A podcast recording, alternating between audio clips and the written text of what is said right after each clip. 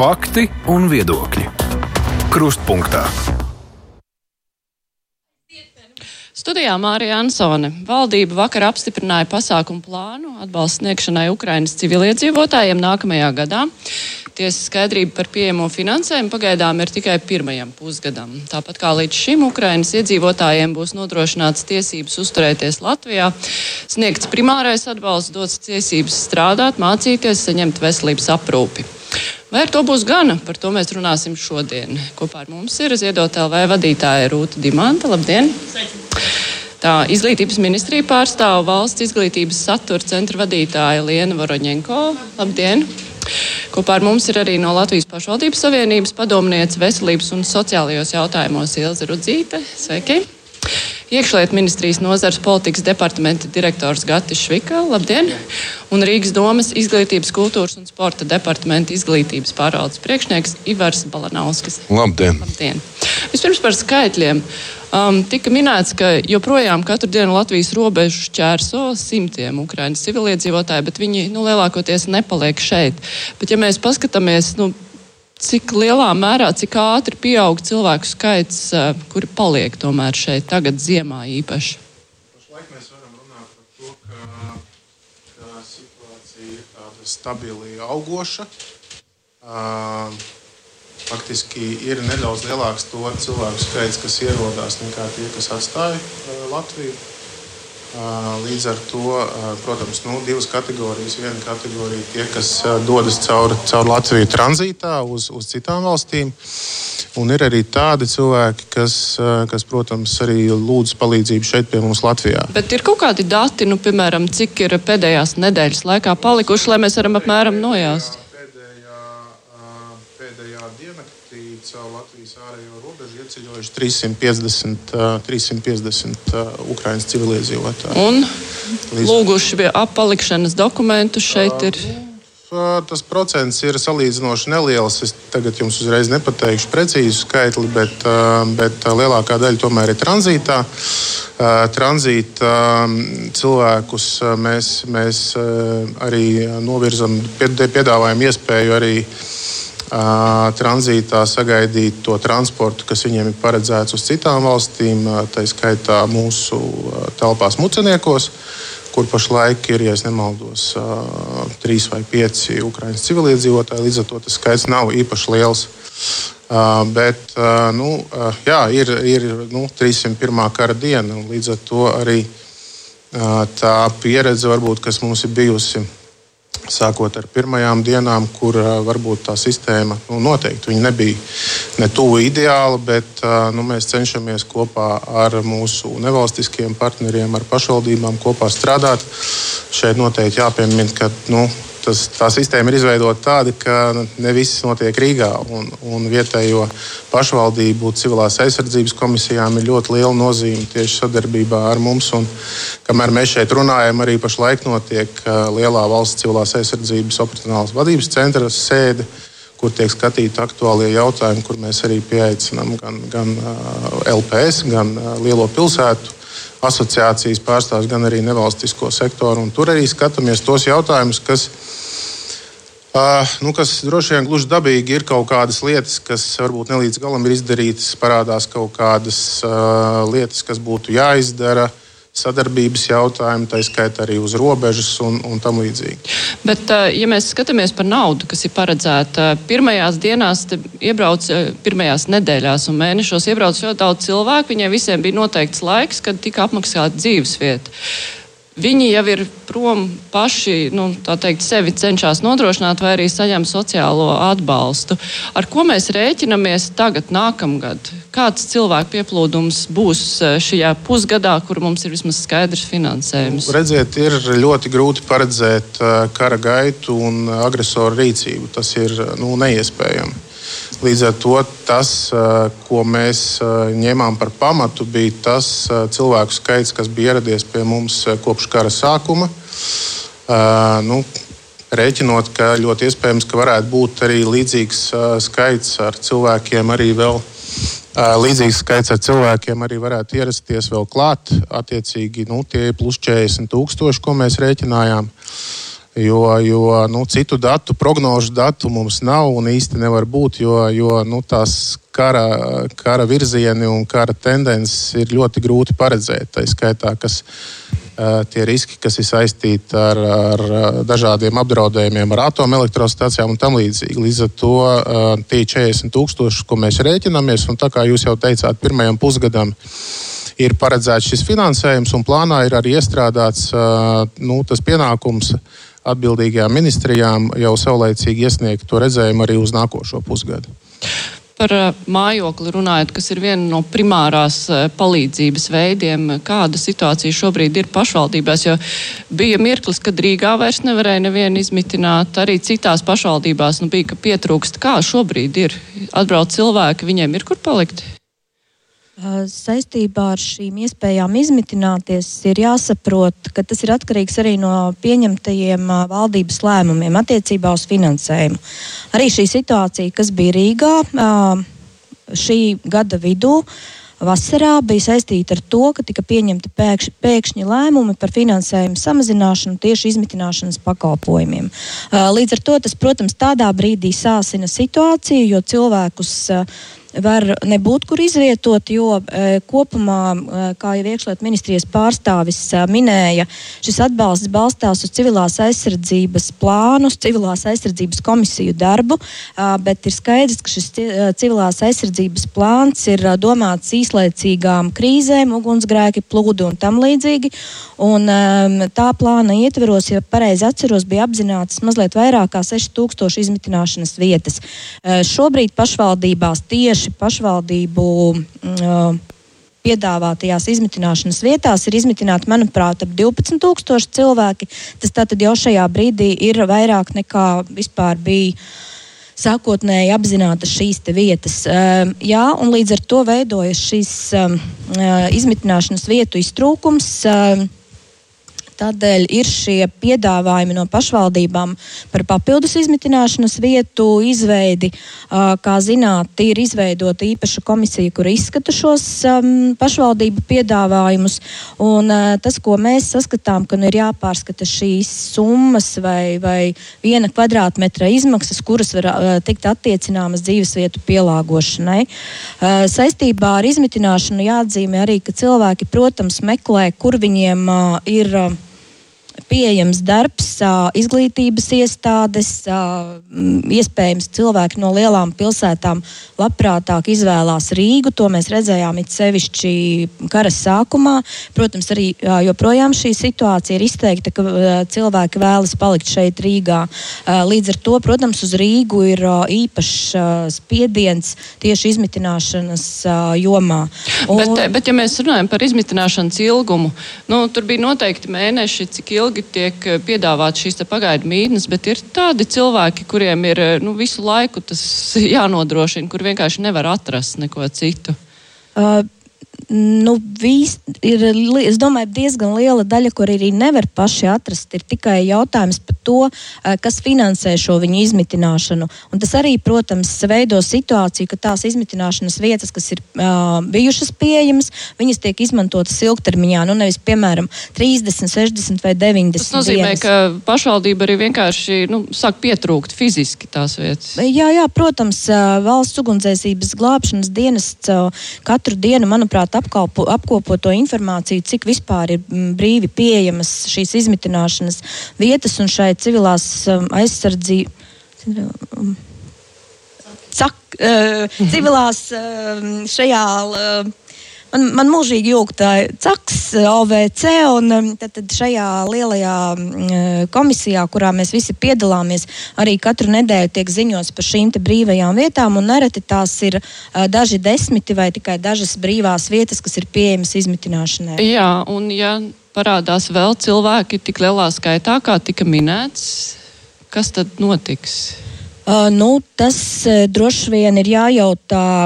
Uh, nacionālā līmeņa politiķiem, jo par šo jautājumu arī aizpagājušajā nedēļā es runāju uh, Saimas aizsardzības uh, un korupcijas novēršanas komisijas sēdē par to, ka, ja ir gadījumā šie straujais pieplūdums, ņemot vērā laika apstākļus, ņemot vērā šo neparedzējumu situāciju.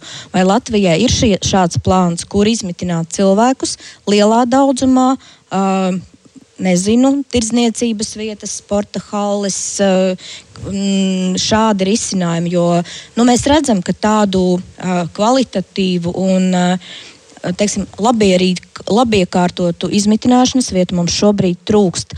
Izskatīšanas procesā ir atsevišķi pašvaldību pieteikumi, tā skaitā, piemēram, Tekavas novada pieteikums par iespēju Baldonas teritorijā izveidot izmitināšanas vietu vairāk cilvēkiem, bet eh, man šajā brīdī nav informācijas, ehm, cik tālu ir eh, ar, ar finansējumu piešķiršanu. Katrā ziņā tas ir jāsaprot, ka tas nav tūlīt un uzreiz. Šviksungs, bet netiek jau paredzēts, ka visi, nu, ka tik daudz cilvēku ieradīsies vienā mirklī vai pat pusi no tā.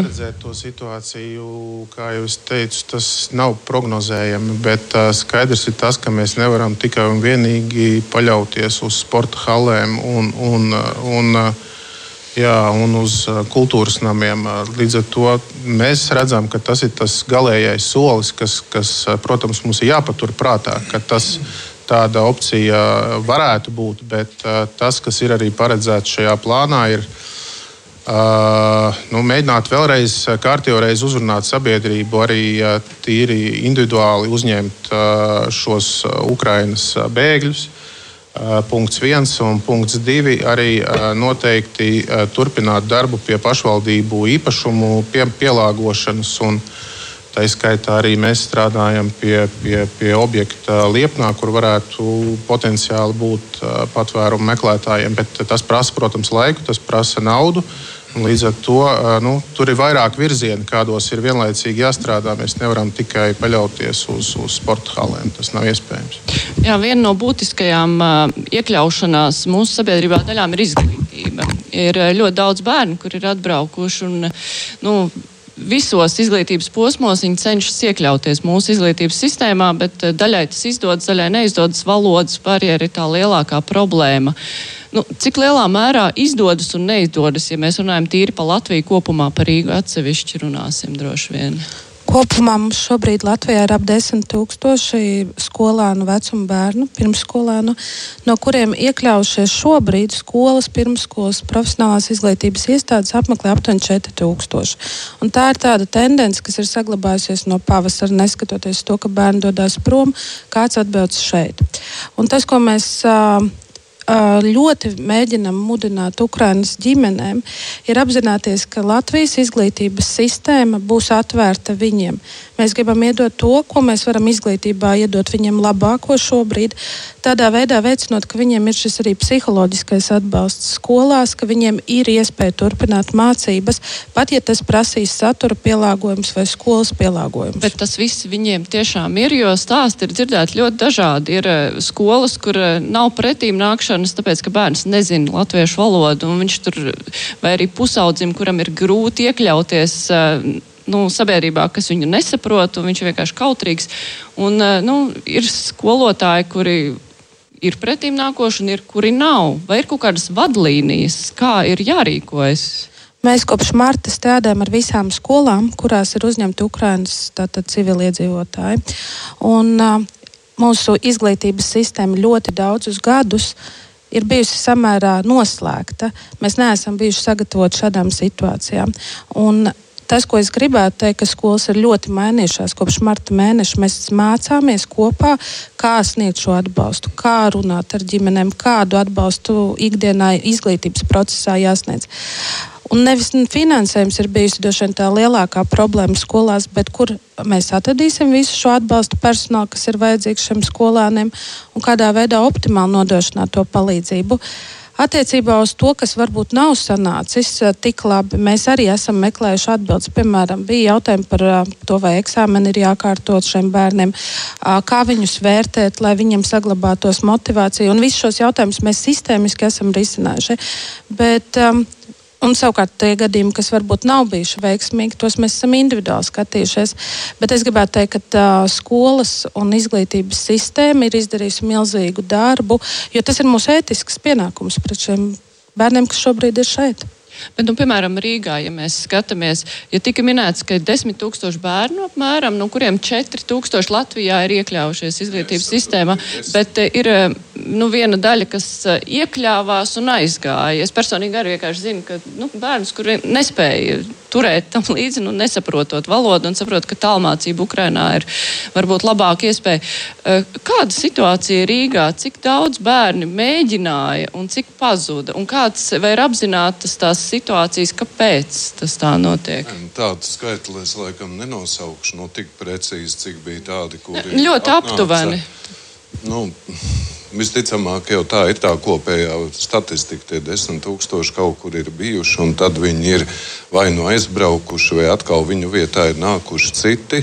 Nu, tiešām mēs arī zinām, ka daļa bērnu izmanto šo tālmācības iespēju. Viņi arī nepalika nu, nosacīti izglītības sistēmā. Nu, no tiem skaitļiem runājot, mums ir 1500 apmēram bērni, kas ir tieši Rīgas skolās. Un, nu, ap, aptuveni 777 šobrīd ir pirmsskolās, un tur ļoti liels palīgs ir arī privātais sektors, ne tikai mūsu pašvaldības bērni. Ja.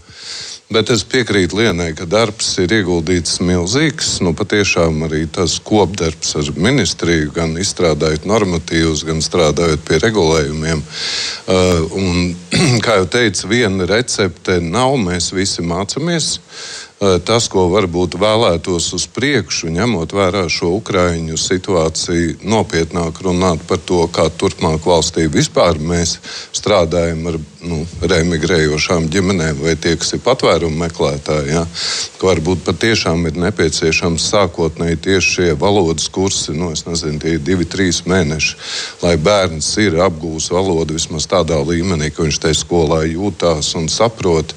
Jo nu, ļoti grūti to arī atzīst ģimenes. No vienas puses mācīties valodu, no otras puses ir valodā mācīties izglītības saturu, nu, piemēram, 7. klasē vai 6. Jā. Bet šajā Daudz, jā, es... vēl var eh, kaut ko mēģināt labot, vai nu, tas ir tikai tāda mācība uz nākotni? Nu, katru dienu jau tie procesi, protams, pilnveidojās. Latviešu valodas aģentūra dod materiālus, izglītojam skolotājus, dalāmies pieredzēs, apmainamies ar labajām praksēm tas ir tas process, nu, kādā mēs uz priekšu varam iet, un no tā arī izdarām secinājumus. Ja, ja teiksim, šodien ir jautājums, ko pamainīt, es tiešām teikšu, pamainīt vai turpināt runāt par izglītības procesu tiem, kas ir patvērumu meklētāji, kā tas tiešām pie mums valstī notiek. Un otrkārt, arī šie mācību materiāli, metodikas vēl vairāk, vairāk kas ir nepieciešams atbalstam. Un trešā lieta, visticamāk, šis psiholoģiskais atbalsts, kas ir nepieciešams. Nu, skolās ir atbalsta personāls, bet varbūt arī tas nevalstisko organizāciju sektora iestājas šajā tēmā būtu vēl nu, nepieciešama plašāk. Dimants Kundze, mēs dzirdējām nu, dažād, no dažādiem aspektiem, ka nu, teiksim, tā sistēma, lai sniegtu atbalstu, nu, paredzēta ir. Visiem vajadzētu kaut ko saņemt. Jūs saskaraties arī ar eh, cilvēkiem, kuri iet cauri šai sistēmai. Vai ir kaut kādas nu, tādas galvenās lietas, kuras eh, nu, parādās, kur cilvēks nevar tikt cauri, vai viņš nesaprot, kur viņam vērsties, vai viņš nesaprot, kā viņam meklēt darbu, ģimenes ārstu, un sabiedriskā transporta nezinu, sistēmu. Kas ir tie stāsti, ar kuriem jūs visbiežāk saskaraties, kad cilvēks mēģina šeit iedzīvoties? Um. Faktiski Ukra kara bēgļi no Ukrainas sastopās ar to pašu, ko sastopās Latvijas iedzīvotāji, ar tām pašām problēmām, tikai, es teiktu, Kubā vai dubultā vai kubā. Pirmkārt, tā ir mājokļa lieta, un uh, skaidrs, ka mēs varam likt plānu, ka mums atnāks 40 tūkstoši vēl bēgļu, bet mums vienkārši nav tā dzīvojamā fonda. E, nav kur noīriet nemaz. Ne, nu, viņi nevar rasties. E, jau tagad Ukraiņu ģimenes sastopas ar to, ka viņas nevar noīrēt dzīvokli tuvu skolai un darbam. Teiksim, var reģionos, kur atkal nav nekāda, kur tu nevari sev uzturēt. Un, e, savukārt tie tās Ukraiņu ģimenes pārsvarā ir riska ģimenes no sociālā viedokļa, jo tās ir nepilnas ģimenes. Un, tad mēs zinām, ka mūsu valstī nepilna ģimene ir zem nu, nabadzības riska tajā grupā. Un tas, ko mēs saskaramies, ne tikai Ziedot LV, bet mēs esam aptaujājuši vairāk kā 50 citas labdarības organizācijas, kas nodarbojas ar Ukraiņu cilvēkiem, ka numur viens ir spēja samaksāt savus rēķinus, noīrējot pašam dzīvokli. Mums tikko atnāca viena ģimene, kur mamma viena strādā. Viņai it kā laba alga 900 eiro.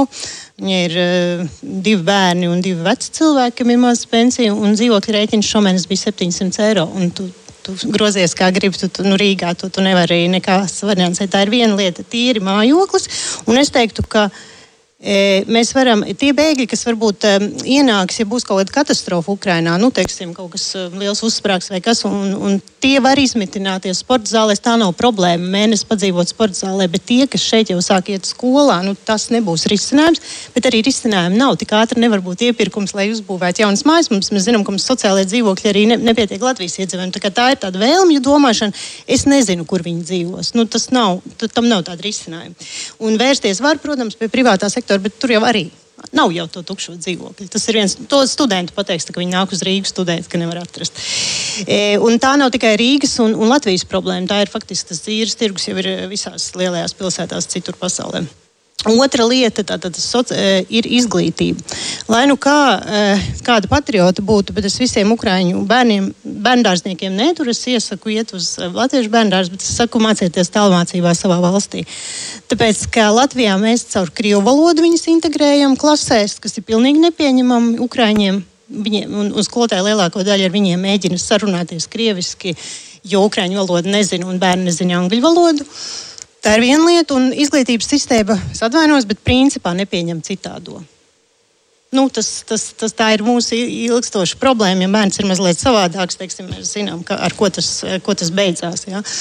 Un e, īpaši tā jaunā sistēma, skola 2030, e, kas e, bez mācību materiāliem, ko, ko var mājās vēl palīdzēt, nu, tas, tas nav iespējams. Mēs izliekamies, ka bērni mācās. Bet patiesībā Eh, sastopoties ar tiem vecākiem un, un arī mums kolēģiem, bērniem, kur ir ukraiņu bērni, viņi ir vientuļi, neiesaistīti, viņi nesaprot, viņi angļu valodās piedalās eh, sportā, zīmēšanā, bet citos priekšmetos nu, tas nav iespējams. Matemātiku 7. klasē apgūt latviešu valodā nav iespējams. Nu, lūk, un, eh, un tā sociālā nodrošinātība, tāda elementāra lieta kā pārtika, kā, kā, kā apģērbs tas ir tas, ar ko mums būs jāsaskaras. Milzīgs cilvēku daudzums, kas ir ienācis. Tas ir, kā es teiktu, politiķiem, nu, te šeit nav, bet ļoti labs tests. Mēs ļoti daudz runājam par re reimigrāciju. Mēs gribam atpakaļ cilvēkus no ārzemēm, lai tie tautieši, kas aizbraukšu, brauc atpakaļ. Un tad, kad viņi atbrauks atpakaļ, vai tiešām mums būs viņiem, kur dzīvot, vai būs sociālais dienests, ir, saka, ka viņiem nav darbinieki, ka tik daudz cilvēkiem strādāt. Mēs eh, tie bērni, kas arī brauktu, teiksim, no, nu, kas ir īrijā dzīvojuši, viņiem arī vajadzētu latviešu valodu mācīties, ja viņi nemācētu iekļauties. Nu, tas ir tāds labs tests, un es teiktu, ka nu, tas ir jāizmanto šī, šī situācija, saprast, kur ir tās vājās vietas. Nu, ja mēs salīdzinām ar tiksim, re, reemigrantiem, Ukrainas bēgļi ir vēl sliktākā situācijā, jo tā ir milzīga riska grupa un tīri sociāli neaizsargāti. Tas jau, ko jūs minējāt, ka tās ir pārsvarā viena vecāka ģimenes, vēl ir varbūt pensionāri, ir jāuztur un pašvaldības vai tās spēj sniegt uh, adekvātu atbalstu, nu, lai cilvēki tiek galā ar to situāciju, par ko Dimants kundze stāstīja. 700 eiro rēķins par dzīvokli, 900 eiro alga. Un ko tur izdarīt? Uh, manuprāt, Dimantas kundze jau precīzi iezīmēja šo mūsu Latvijas situācijas un Ukrainas cilvēku situācijas, nu, tādu nereti līdzvērtību šajā laikā. Un, uh, sociālie pabalsti mums ir uh, tādi paši, gan Ukrainas, gan Latvijas iedzīvotājiem. Iespējas īrēt dzīvokli tieši tādas pašas. Uh, manuprāt, pašvaldības uh, dara to, ko var izdarīt, un varbūt citreiz pāri saviem spēkiem, taču uh, tās iespējas ir ierobežotas, sevišķi uz mājokli. Arī vasarā pārtraucot, nu, samazinot šo finansējumu izmitināšanai, tika pielāgotas. Ēkas, skolas gādātas, lai cilvēkus var izmitināt, izguldīt, lai viņi var pagatavot savu ēdienu. Bet, protams, tas ir nepietiekoši. Tas, ko šobrīd arī šajā situācijā ar drausmīgajiem rēķiniem par mājokli, Ukrainas cilvēki tieši tāpat kā mūsējie, dodas uz sociālo dienestu. Un šajā gadījumā ir tā mistiskā mājokļa pabalsta formula, pēc kuras rēķina, kādi ienākumi jāpaliek. Es eh, domāju, šajā situācijā arī ģimene saņemtu šo sociālo palīdzību. Bet tāda uh, palīdzība. Uh, vienkārši dēļ statusa, jā, tā šobrīd ir trīs mēneši, kad nevērtē ienākumus, izdevumus uh, ir garantēti noteikti. Uh, Tas pats garantētais minimālā ienākums, krīzes pabalsts, vēl kādi citi atbalsti, iespēja saņemt sociālā mentora pakalpojumus, kas īstenībā īsti nestrādā Latvijā. Uh, bet nu, tāda iespēja ir. Eh, un pēc tam, jā, protams, tiek vērtēti ienākumi un arī paliek tās sociālās grupas, eh, seniori, māmiņas, bērnu kopšanas atvaļinājumā, atvaļinājumā cilvēki ar invaliditāti, kuriem par šo arī mājokli nav jāmaksā, ja joprojām to kompensē no valsts bet tās uh, problēmas ir ļoti dziļas. Un uh, šī enerģētiskā krīze, ar ko mēs Latvijā un kopumā pasaulē šobrīd saskaramies, man liekas, tikai vairāk to padziļina un vēl vairāk iezīmē to kritisko situāciju, kā, kādā mēs esam gan paši Latvijas iedzīvotāji, gan arī Ukrainas civiliedzīvotāji, kuriem mums šobrīd ir jāspēj sniegt atbalstu. Jūs nu, es gribēju piebilst par to mistisko tiešām mājokļu formulu. E, es vairākas reizes viņās gājuši cauri, un, un, un es viņas sapratu, bet skaidrs, ka ukrainiski runājuši cilvēki nemāk aiziet sociālo dienestu, un papra, tā nelaime ir nu, diemžēl tāda, ka tev sociālā dienestā jāpaprasa tieši, ko tev vajag. Tu nevari aiziet vienkārši apsēties, lūdzu, palīdziet. Un tu ne, viņi nespēja pa, paprasīt, ka viņiem vajag šo mājokļa pabalstu pēc jaunās formulas. Mēs esam ļoti daudz cilvēku konsultējuši, stāstot, kas jums jāiet un jādara. Tā, tas, ko, ko jūs jau teicāt, ka mm, tā valodas barjera, ja, ja, ja emigrācijas cilvēks atbrauc uz šejienu, viņš var piezvanīt bijušiem klases biedriem, paprasīt, nu, kā te ir, kas te ir jādara, kur jāiet vai izlasīt latviešu, tad uh, ukraiņu valodā tulkojumi ir ļoti maz. Un uh, saprast arī medicīnā, tā ir vēl viena, starp citu, milzīga problēma. Medicīnas nodrošinājums, viss zobārstniecība, viss pašlaik tas lielā mērā balstās uz labdarības pleciem. Nu, ir, skaidrs, ka viņiem šeit ir tā kā man būtu Francijā, kur es, ne, es franču valodu nezinu, un, un no tā viedokļa jāiet. Bet es saku, man, man ļoti patīk, ka mēs, viņus, mēs esam nostādījuši tādā pašā situācijā kā Latvijas iedzīvotājs, un te parādās tās problēmas, kas ir jārisina jaunajai valdībai arī Latvijas iedzīvotājiem, visas enerģētiskās krīzes, bet plus vēl tas, ka nu, kā mēs vai, e, viņus iekļausim, jo viņi šeit daudzi paliks. Daudz aizbrauks, bet daudz paliks. Un tie, kas paliks, nu, tur mums ir jāspēj arī ar valodas kursiem e, nākt pretī. Es saprotu, ka tas ar tik raiti nemaz neiet, ka valodas kursi laikam būs no aprīļa pieejami. Un, nu, mm, mums pašiem, nevis ne tikai Ukraiņu dēļ, mūsu pašu sabiedrības dēļ ir jāizdara tas mājas darbs, lai tie cilvēki šeit iekļautos un dzīvotu, lai nebūtu nepaukstīties noziedzība vai pašnāvības. Nu, tādas lietas, kas mums pēc tam dārgi maksās kā sabiedrībai. Es vēl mazliet gribēju papildināt par šo pašvaldību kapacitāti. Eh, nav noslēpums, ka arī izmitināti Ukraiņas civiliedzīvotāji nav vienmērīgi visā Latvijā. Un varbūt tur, kur ir nelielāks novads un mazāk cilvēku, tur ar katru var ļoti individuāli izrunāt, izstāstīt. Tā skaitā krievu valodā, daudz, kurā daudzi runā, bet arī mums ir Latvijas novadi, kuros arī krievu valodā cilvēki nerunā. Nu, kurzemē, piemēram, ja ir daļa, kas nerunā. Līdz ar to tā komunikācija var būt nereti apgrūtināta, bet, uh, uh, protams, to formulu mēs visi varam iemācīties, un tur uh, patiesībā nekas jau sarežģīts nav, bet cilvēkam no malas vai kaut vai mūsu senioram ir nereti grūti izprast kā pēc kādiem principiem šo mājokļu pabalstu aprēķina. Un tādēļ droši vien tas svarīgākais būtu veicināt šo sociālo mentoru kustību, kas būtu atbalsts Ukraiņas civiliedzīvotājiem.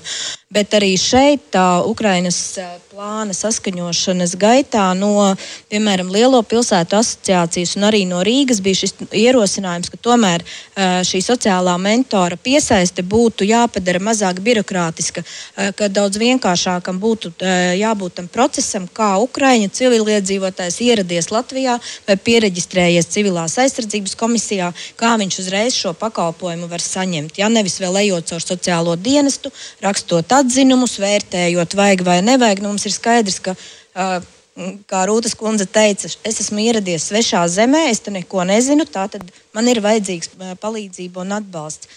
Ļoti atbalstoši, manuprāt, ir arī pašu ukraiņu kopiena, jo vismaz kā piemēru varu minēt Liepājas kolēģus, kuri ir stāstījuši par to, ka ir izveidota WhatsApp grupa, cilvēki savā starpā apmainās ar informāciju, savstarpēji viens otru konsultē un tādā veidā tomēr arī veicinot to lielāku izpratni par to, kāda ir mūsu Latvijas situācija un kādi ir tie pakalpojumi, ko cilvēki var saņemt. Vai šis jautājums par sociālo mentoru piesaisti nav saistāms ar nevalstiskā sektora nu, lielāku gan atbalstīšanu, gan izmantošanu? Jo šeit jau nu, būtu varbūt īsti vietā, kad valstiskā līmenī piesaistīt nevalstisko sektoru, kur ir tāda tīri cilvēciska saruna, vai par to ir domāts?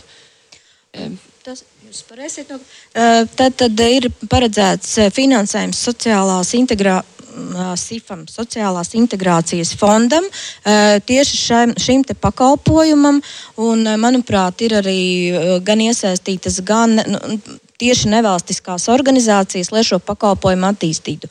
Taču no pašvaldību dienestiem to, ko es esmu dzirdējis, ka tas šķērslis ir vairāk šī birokrātija. Nu jā, bet tāpēc es arī, jā, ja mikrofonu varētu nodot Švikas kungam, vai ir domāts par šīs birokrātijas mazināšanu? Jā, nu, tas, tas, kas šodien arī šeit noteikti izskanēja, kas ir ļoti svarīga mācība mums visiem, ir vēlreiz pārskatīt tās procedūras, kādas mums šeit ir valstī.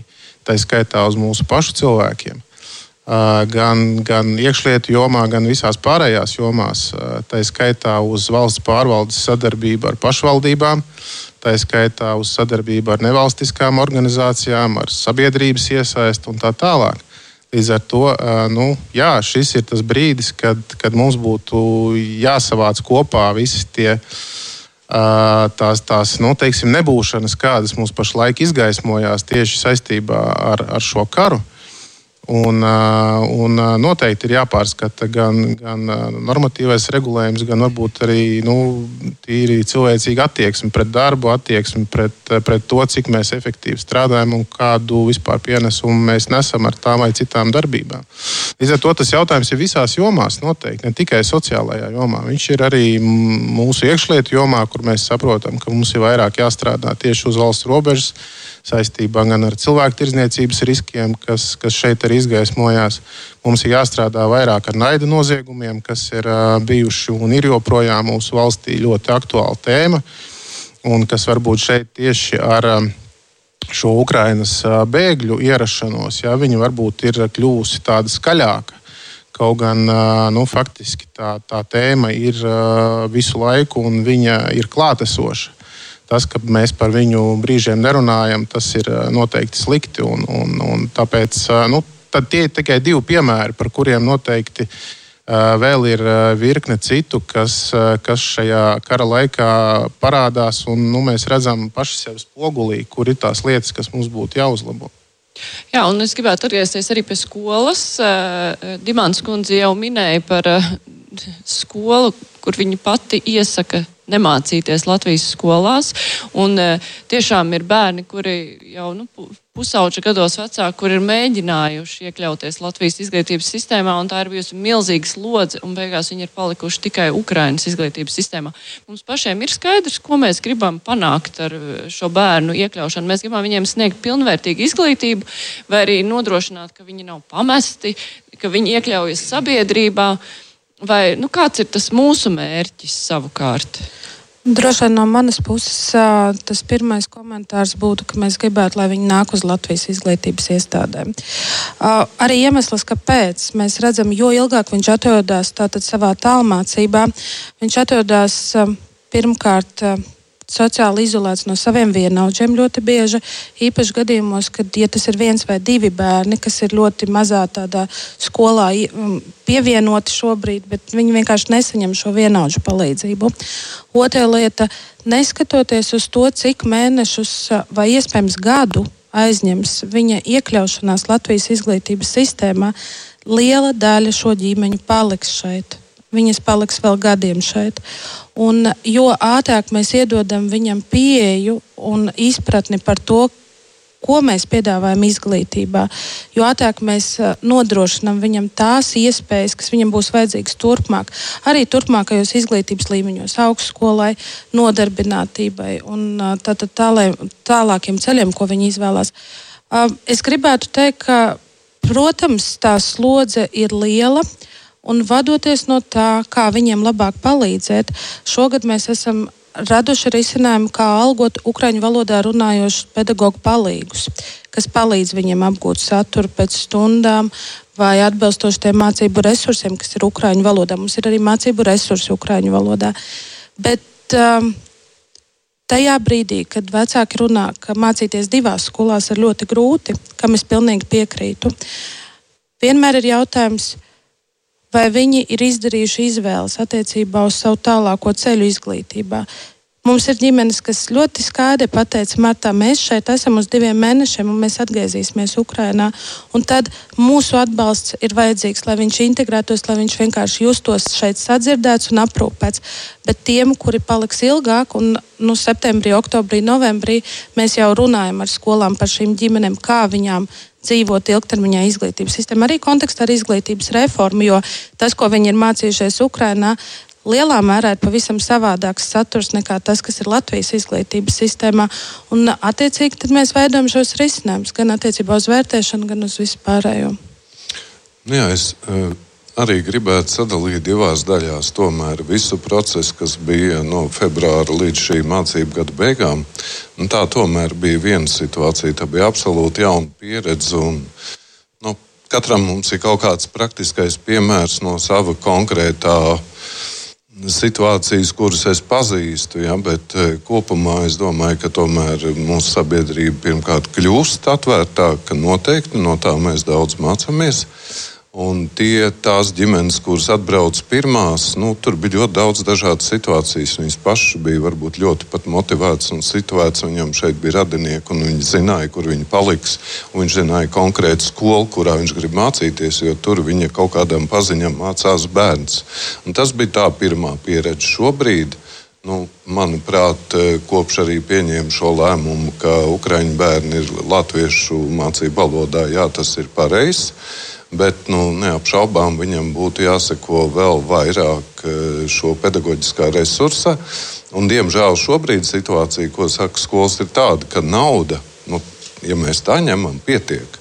Arī tas valsts atbalsts, kas būtu latviešu valodas mācīšanai, tur individuālām konsultācijām, bet vienkārši tāpat kā jebkurā skolā trūkst pedagoģu. Nav ko piesaistīt, naudiņas ir. Uh, Eh, bet trūkst eh, šo resursu. Arvien vairāk ienāk Ukrāņu skolotāju palīgi. Mums šobrīd kaut kur 120 pāri jau ir tādi, kas ir piesaistīti. Un arī viņu teiksim, speciālisti, kā psihologi vai, vai teiksim, šādas nozares darbinieki, arī arvien vairāk ienāk eh, šajā mūsu izglītības sadaļā. Bet es pilnīgi pievienojos par to birokrātiju tur tiešām būtu kaut kas jādara. Nu, kaut vai izglītības jomā privātais sektors, kas arī var saņemt valsts atbalstu finansējumu, mūsu pašu iestādes brīžiem saka, piedodiet, dēļ tās birokrātijas, kas mums ir pēc tam dažādos aktos, papīros jāpiestāda nu, principā par kaut kādiem 100 vai 200 eiro, ir vienkārši tik vaiprātīgs, ka to pat negribas darīt.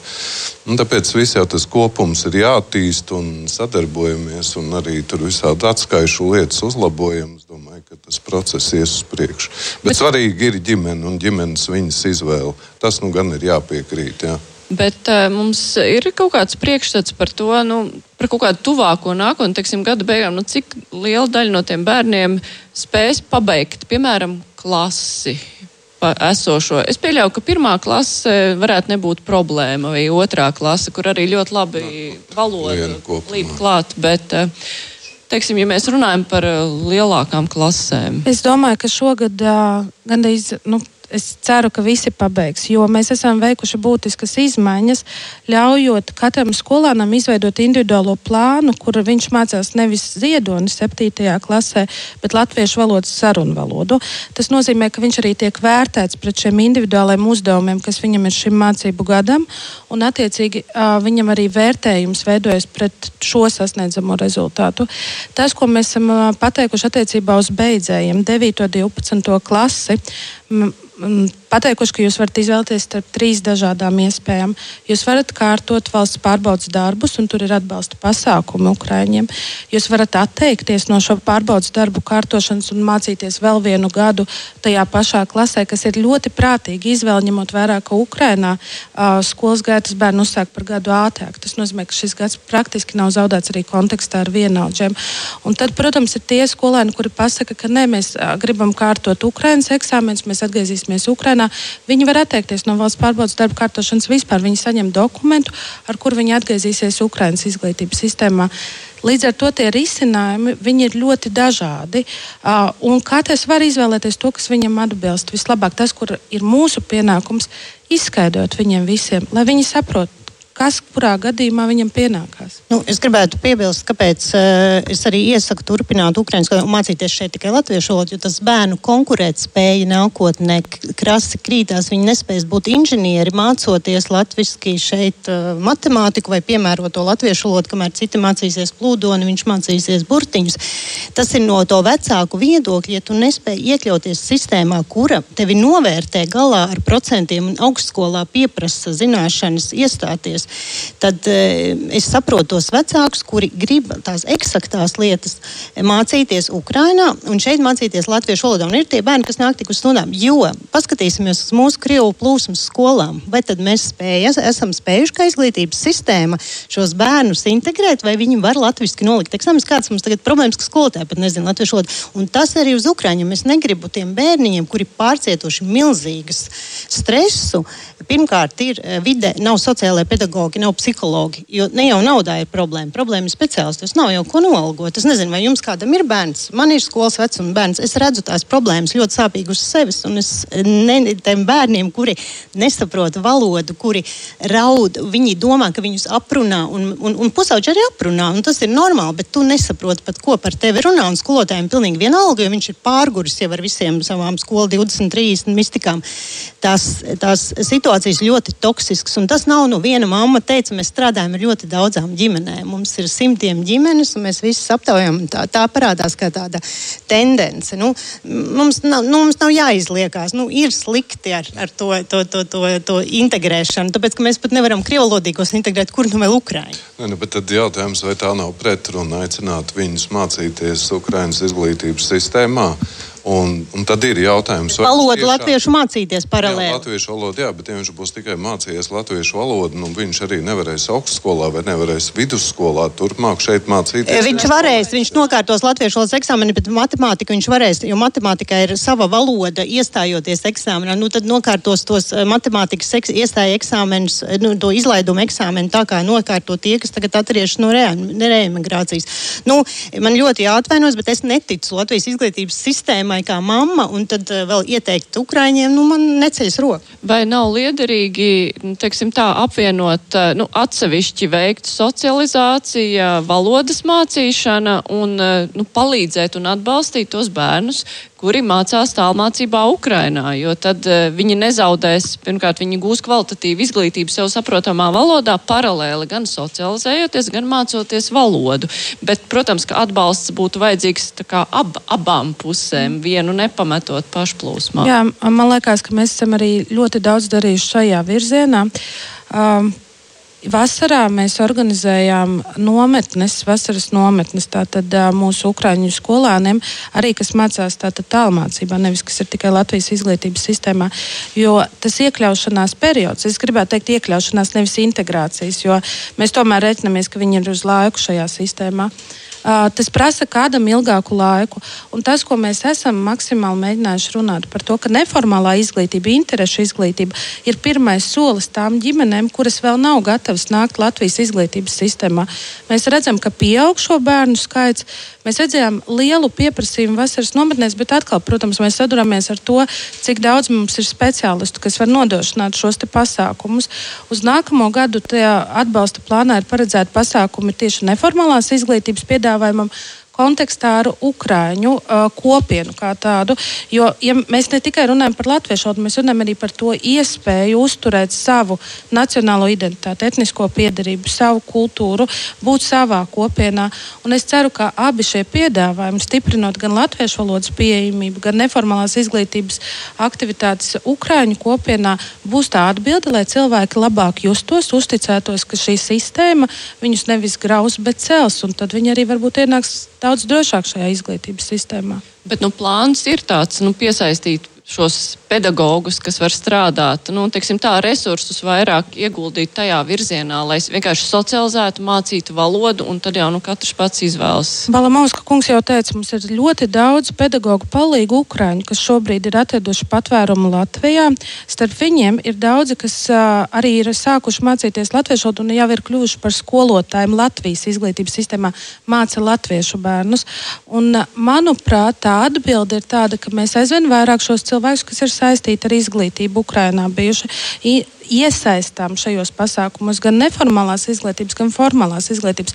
Jo pēc stundām šie skolotāji palīdz šiem bērniem ne tikai apgūt matemātiku, bet arī saprast, kā viņi jūtās, kā viņi mācās tas izaicinājums attiecībā uz uh, izglītību, kāpēc mēs sakām, ka ir svarīgi, ka viņš mācās to matemātiku Latvijā.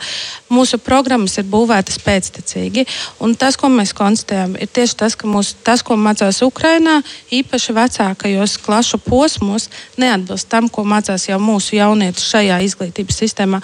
Un, lai viņš neiztos izmests no laivas pirmajā kursā augstskolā, visticamākais mums ir jāiedod tas atbalsta, zināšana un prasme nu, kopums, kas viņam būs vajadzīgs. Nu jā, bet jebkurā gadījumā tas, ko Balnovs kungs jau minēja, ir nepieciešams laiks, lai iemācītos valodu, iekļautos un tad arī varēs pilnvērtīgāk apgūt šos mūsu matemātikas apgūšanas nianses. Um, Vēl viens uh, neliels temats, ko es gribēju paspēt, mums piecas minūtes vien ir palikušas. Uh, mēs jau pieminējām, nu, ka tiek domāts par to, ja pēkšņi ir liels bēgļu pieplūdums, ja vajag iedarbināt vēl kaut kādus uh, krīzes mehānismus, kur izmitināt un tā. Šobrīd, nu, vismaz cik ir lasīts un redzēts masu mēdījos, mēs netiekam galā pat ar to nelielo bēgļu bēgļu plūsmu, kas ir pie Krievijas robežas, respektīvi par to brī, tajā brīdī, kad viņi sagaida savu transportu un aizbrauc tālāk, kur nu kurais brauc. Tur ir viss uz brīvprātīgo pleciem, un bija ziņas, ka pat nevar uzlikt lielo zemes, zemesardzes piešķirto telti, jo nav vietas. Kas tur īsti ir pa situāciju? Kāpēc tur ir brīvprātīgo mazā telts, kas. Manā izpratnē situācija ir nu, tāda kopējas sadarbības problēma. Jo uh, tas, cik es zinu no šīs situācijas, ir tas, ka ir, ir nu, dažādi viedokļi, dažādas puses, ir valsts robežsardze ar savu ar savu piedāvājumu, ka ir iespējams nodrošināt daļu no tādiem primāriem, kaut vai sasildīties jau kaut kādu nezinu, tēju tieši robežu kontrolas punktu tūmā. Ja?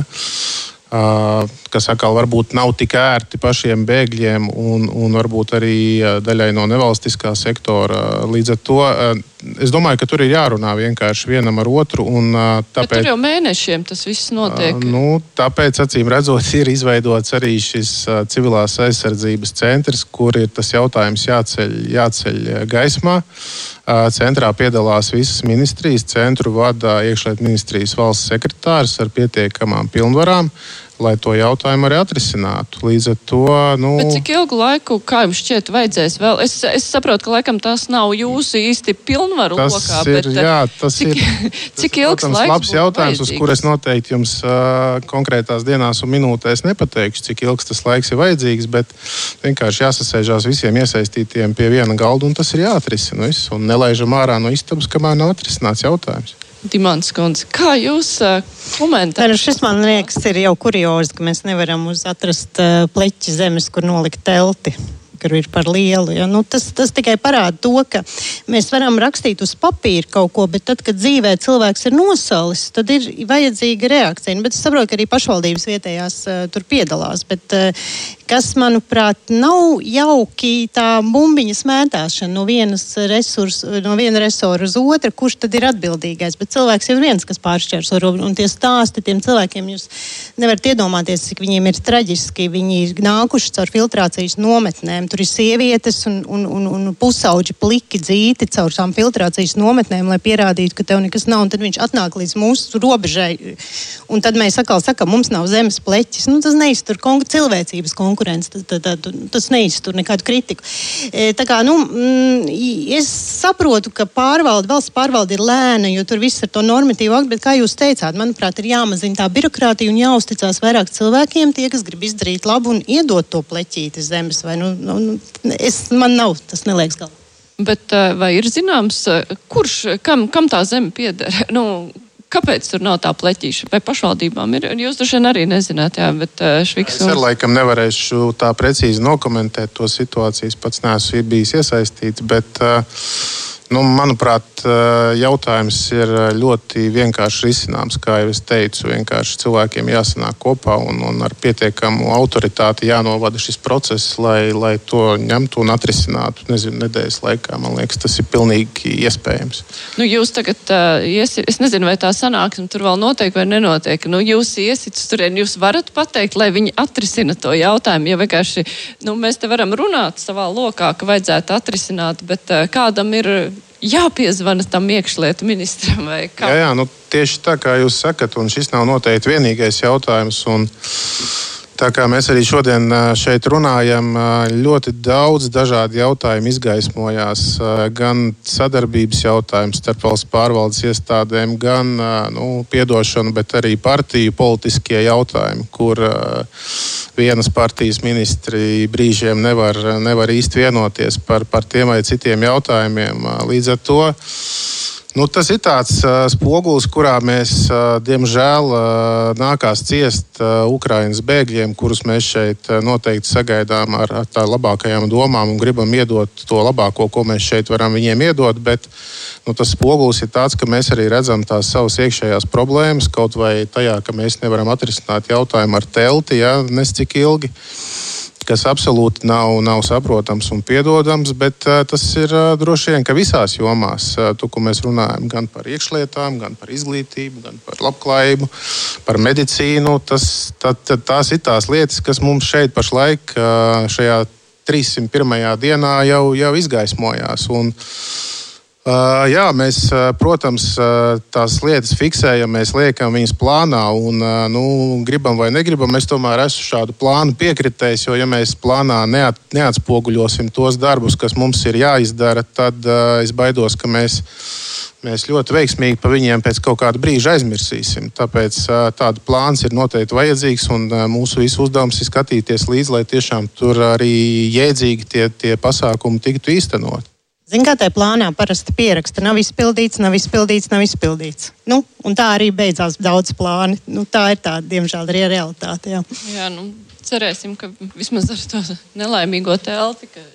Šis jautājums tomēr tiks atrisināts, bez nav izpildīts. Bet nu, skaidrs, ka tādas uh, tīri praktiskās lietas uh, ir ārkārtīgi daudzas risināmas, un kas te izskanēja, ka ir ārkārtīgi būtiski mazināt birokrātiju, caur kurai ir ļoti grūti izlausties cilvēkam. Uh, kurš ir nonācis šeit krīzes situācijā. Es teikšu paldies sarunas dalībniekiem. Šodien kopā ar mums bija Rūta Dimanta no Ziedot LV, no Izglītības ministrijas Liena Varaņenko, no Latvijas pašvaldības savienības Ilza Rudzīte, no Iekšliet ministrijas Gata Švika un no Rīgas domas izglītības pārvaldes. Ivars Palanauskis. Raidījums kruspunktā no stikla studijas līdz ar to lēnā garā izskan. Es ceru, ka mūs dzirdēja arī tie cilvēki, kuriem ir, kur rokās ir pieņemt lēmumus uh, par, tām, par to, par ko mēs šodien runājām, un varbūt arī viņi izdarīs kādus secinājumus. Rādījuma producente Evija Junāma un stikla studijā bija Mārija Ansona. Visu labu!